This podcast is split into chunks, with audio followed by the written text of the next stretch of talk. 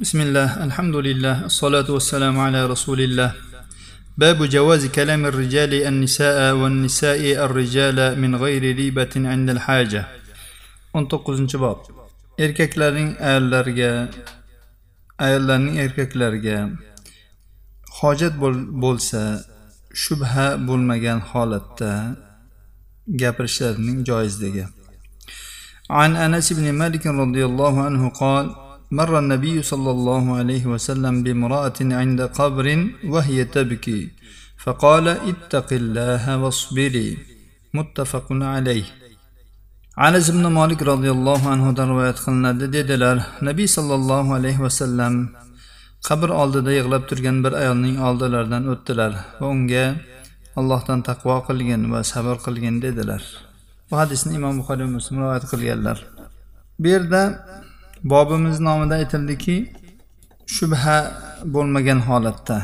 Ya'ni e-, erkak ayol bir biriga gapirgan holatida e, ulardan bir nojo'ya so'zlarning sodir bo'lmasligidan xotirjam bo'linadigan ya'ni bu buni bo'lishligida shubha bo'lmagan holat.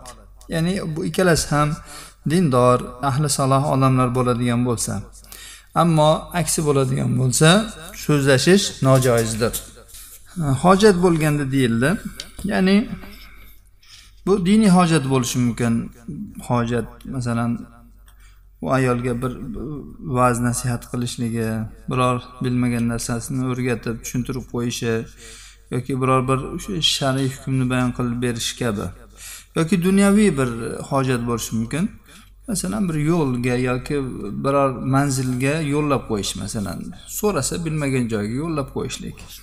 Yoki bir oldi sotdi holatlarida bo'lishi mumkin. Shunda hojat miqdorida so'zlashlik mumkin bo'ladi. Undan ortig'iga o'tilmaydi demak gohida erkak ayol ayol kishiga ayol kishi erkak kishiga so'zlashlikka ehtiyoj bo'lib qoladi. Agar ehtiyoj tug'iladigan bo'lsa erkak ham ayol ham dindor salohiyatli yaxshi odamlar bo'lishadigan bo'lsa ularning shu hojat doirasida so'zlashligi shar'an joizdir. Bu bobimiz ya'ni so'zlashish bobi o'tgan bobimizdan ko'ra kengroqdir. O'tgan bobimiz salomlashish edi salomlashishdan ko'ra bu kengroqdir. Bu bobimizda ya'ni ikki jins o'rtasidagi so'zlashishning joizligi haqida gap boryapti. Bobimizning hadisi shunga dalolat qiladi. Bu yerda so'zlagan nabiy sollallohu alayhi vasallam bu hukm erkaklarga umumiy olinaveradi ya'ni bu rasululloh sollallohu alayhi vasallamning o'zlariga xos emas. Buni bir necha vajhdan ya'ni xos emasligini aytish mumkin.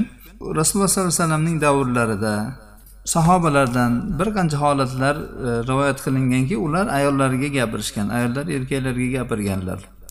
Ulardan biri mana yuqorida o'tdi. Abu hurayra roziyallohu anhu haligi adir sepib olib ko'chaga namozga chiqqan ayolga gapirdilar. E, ya amatal jabbor qayerga ketyapsan? deb. Bundan tashqari hasamiyalik ayol rasululloh sollallohu alayhi vasallamdan so'radilar. Sahobalar uning so'zini tinglab turishganda eshitib turishganda ya'ni otasini nomida haj qilsa bo'ladimi yo'qmi shuni so'ragan. Ibn hajar bu hadisni sharhlab turib deganlar bundan istifoda olinadiki begona erkaklar eshitib turgan holatida ayol kishining gapirishi joiz ekan agar zarurat bo'ladigan bo'lsa. Masalan E, fatvo so'rashga o'xshagan yoki mahkamaga murojaat qilgan paytda yoki biron bir muomala qilgan paytda savdo sotiq yoki shunga o'xshagan muomalada. Imom buxoriy mana shu ayni bizning bobimizdagi hadisni keltirganlarida bu hadisning bobini erkak kishi ayol kishiga qabr oldida sabr qil deb aytishligi haqidagi bob deganlar. Ya'ni bu yerda gapirgan odam rasululloh sollallohu alayhi vasallam edilar. Lekin bu yerda bobga erkak kishi deb umumiy qilib aytdilar. Demak e, bu rasululloh sollallohu alayhi vasallamga xos emasligiga dalolat qiladi. Buni shorihlar aytishgan bu gapni. Yana undan tashqari qabrning oldida degan qaydlari ham borki bu ya'ni hojat bo'lgan paytda deb aytganlar buni. Demak so'zlashlik hojat paytida joiz bo'ladigan bo'lsa gap nihoyatda qisqa bo'lishi kerak va hojatga taalluqli darajada cheklangan bo'lishi kerak. Ortiqchasi bo'lishi kerak emas undan uzun ham bo'lishi kerak emas. Hojatdan oshiq bo'lgan gap bu joizlik doirasidan chiqib ketadi. Nojoiz bo'lib qoladi hojatdan o'tib ketsa bu esa har ikki shu gaplashayotgan erkak bo'lsin ayol bo'lsin har ikkisiga bab barobar ularning e, qalblarini kasal qiladi fitna va fasodga chaqiradigan holat bo'ladi. Agar so'zlashish hojatdan tashqari bo'lsa ya'ni behojat bo'ladigan bo'lsa buning doisi qalbdagi kasallik muxolif jins ya'ni qarama qarshi tomondagi jinsning ya'ni erkak bo'lsin ayol bo'lsin uning ovozini eshitishlikdagi rag'bat undan lazzatlanish kabi narsalar bo'ladi. Shu narsalar uni so'zlashga chorlagan bo'ladi. Bu esa o'z egasini do'zax o'tiga uloqtirishlikka yaqin bo'ladi. Bobimizning hadisi ayollarning qabrlarni ziyorat qilishligini joizligiga dalolat qilmoqda. Ahli ilmlar bu xususda ixtilof qilganlar. Bir toifa ahli ilmlar bu ayollarning ziyoratini man qilgan bo'lsalar jumhur ulamolar bunga ijozat berganlar. Har bir guruhning o'z dalillari bor. Man qilgan kishilar abu hurayra rivoyat qilgan rasululloh sollallohu alayhi vasallam qabrlarni ko'p ziyorat qiluvchi ayollarni la'natlaganligi haqidagi hadisni dalil qilib ushlasalar ijozat berganlar buraydadan rivoyat qilingan rasululloh sollallohu alayhi vasallam degan men sizlarni qabrlarni ziyoratidan qaytargan edim endi uni ziyorat qilaveringlar degan hadisni dalil qilib ushlaydilar. Boshqa bir rivoyatda men sizlarni qaytargandim deyilgan. Yana oysha onamizdan rivoyat qilingan hadisda jabroil alayhissalom nabiy sallallohu alayhi vasallamning oldilariga kelib deydilarki robbingiz sizni baqi ahliga borib ularga istig'for aytishligingizni buyuryapti deydilar.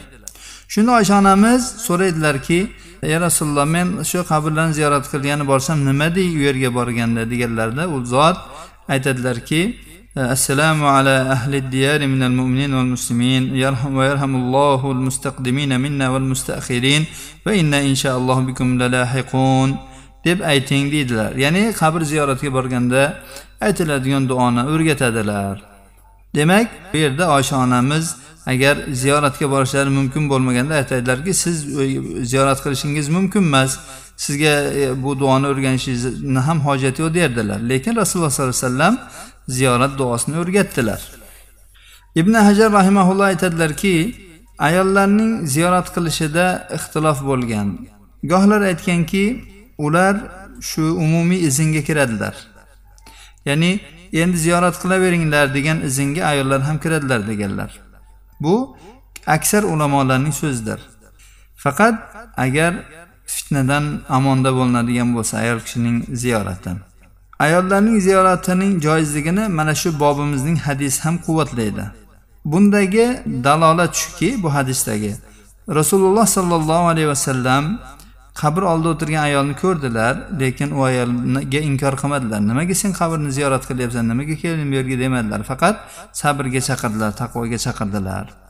Endi rasululloh sollallohu alayhi vasallamning taqrirlari bu ayolning shu yerda ziyorat qilib turishligiga iqror bo'lishlari ham hujjatdir. Gohi ulamolar izinni erkaklar va ayollarga e, om ekanligiga haml qilishgan. Oysha onamiz ham shulardan bittalaridir. Hokim ibn abi mulayka orqali rivoyat qilgan asarda keladiki u oysha onamizni ukalari abdurahmonning qabrini ziyorat qilganligini ko'rdi. Shunda oysha onamizga aytildiki nabiy sallallohu alayhi vasallam ayollarni qabrlarini ziyorat qilishdan qaytarmaganmidilar deyildi. Shunda aytdilarki ha qaytargandilar. So'ngra uni qabrlarini ziyorat qilishga buyurganlar dedilar. Endi goh ulamolar aytganlarki izn faqat erkaklarga xos ayollarga qabrlarni ziyorat qilish mumkin emas deganlar. Shayx muhammad shokir aytadilarki vallohu alam ya'ni mening oldimda rojih bo'layotgan narsa ayollarning qabrlarni ziyorat qilishlari bu xuddi kasalga berilayotgan achchiq dori kabidir. Uni ozginasiga toqat qilinadi ko'piga chidab bo'lmaydi va u ko'pini xohlanmaydi ham. Demak ayollarning qabrlarni ziyorat qilishi joiz lekin ko'p ziyorat qilishi mumkin emas. Bu narsa ya'ni ziyoratdan bo'lgan foydani ya'ni buzib yubormasligi uchun bu yerda bir nechta tanbehatlar bor. Birinchisi ayol kishi qabr ziyorat qilgani chiqadigan bo'lsa shu yuqorida aytilgan ayollarning ko'chaga chiqishlariga qonun qoidalarga rioya qilishlariga lozim bo'ladi. Ikkinchisi qabrni ziyorat qilish ayollar uchun joiz. Joiz degani ya'ni mumkin. U vojib emas ya'ni farz emas sunnat emas ayol kishiga. Ya'ni ayol kishi ziyorat qilsa u savob oladi uncha savob oladi buncha savob yoki ziyorat qilmasa gunohkor bo'ladi degani emas. Boraman desa ziyorat qilaman desa joiz. Lekin unga borish sunnat ekan deb turib tarq qilinadigan ish emas bu.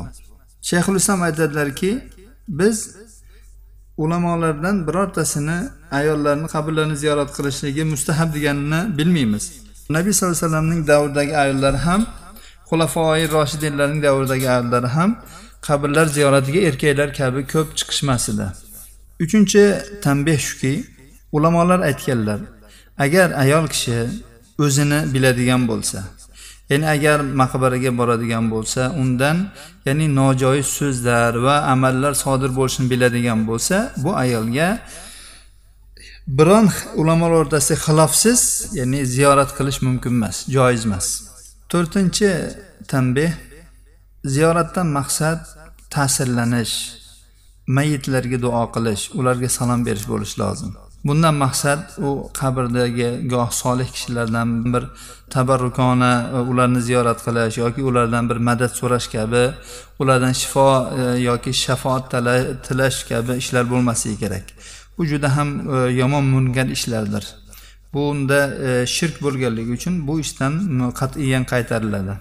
Beshinchi tanbeh ayol kishining qabr ziyorat qilishi otasi aka ukasi eri farzandi yoki biron qarindoshiga cheklanishi lozim. Undan boshqa holatda qabrni ziyorat qilmasligi yaxshidir. Qabrlarni nima uchun ziyorat qilinadi? Qabrlar odamlar vafot etganlaridan keyin ruhlari badallaridan ajralgandan keyin boradigan maskanlardir. Ular butun mana shu dunyo ziynatlarini tark qilib qabr zulmatlariga qurtxonaga va qabrlar torligiga ko'chib o'tadilar. Alloh subhanava taoloning fazli karamidan bizning qabrlarimizni jannat bog'chalaridan bir bog'cha qilishini so'raymiz. Insonlarning mana shu o'zgarishlari tufayli qabrlarni ziyorat qilish mashru bo'lgan. Qabrni ziyorat qilish ko'zlarni yoshlantiradi qalblarni yumshatadi va dunyodan voz kechtiradi. O'limni eslash oxiratni va oqibatni eslash insonda o'zini o'zi bir hisob kitob qilishlik va avvalda qilgan xatolarini tuzatish va qilib qo'ygan gunohlariga tavba qilishlikka undaydi. Bu ishlar shubhasizki juda ham muhim va foydali ishlardir. Shuning uchun ham shariat qabrlarni ziyorat qilishga ruxsat berdi balki buyurdi. Qabrlarni ziyorat qilish erkaklarga nisbatan hech qanday bir shak shubhasiz bironta bir qarshiliksiz hamma buni tasdiqlaydigan narsa. Ammo ayollarning qabrlarini ziyorat qilishi ularning haqlarida foydalar va ziyonlar jamlanganligi uchun. Masalan ziyonlar nima? Ayol kishilardan ko'pincha sodir bo'ladigan narsa ularni jazava tutib qoladi ular ayyuhannos solib yig'lashadi sabr qilisholmaydi va bu sabr qilisholmagandan keyin yuzlarini yulib kiyimlarini yirtib dodvoy solishlari mumkin. Bu zararlardir. Endi foydalar albatta u vazlanish shu yerdan ta'sirlanishida. Ulamolardan qaysi birlari foyda jihatini zarar jihatiga muqaddam qilgan bo'lsa ayollarga qabrlarni ziyorat qilishga ruxsat berdi. Qaysilari buning aksini e'tibor qilishgan bo'lsa ya'ni qabrlarni ziyorat qilishga ruxsat bermadilar? Ushbu bobning hadisidan bir necha ahkomlar va foydalarni olishimiz mumkin. Birinchisi agar ayollardan shar'iy e, muxolafa sodir bo'ladigan bo'lsa erkaklar ayollarga amri ma'ruf qilishning mashruligi. Ikkinchi foyda odamning musibatga tushib qolishi yoki mahzunlikka tushishi unga nisbatan amri ma'ruf qilish va nahiy munkarni tark qilishlikka yo'l bo'lmaydi. Agar lozim bo'ladigan bo'lsa uni yaxshilikka buyurilib yomonlikdan qaytariladi.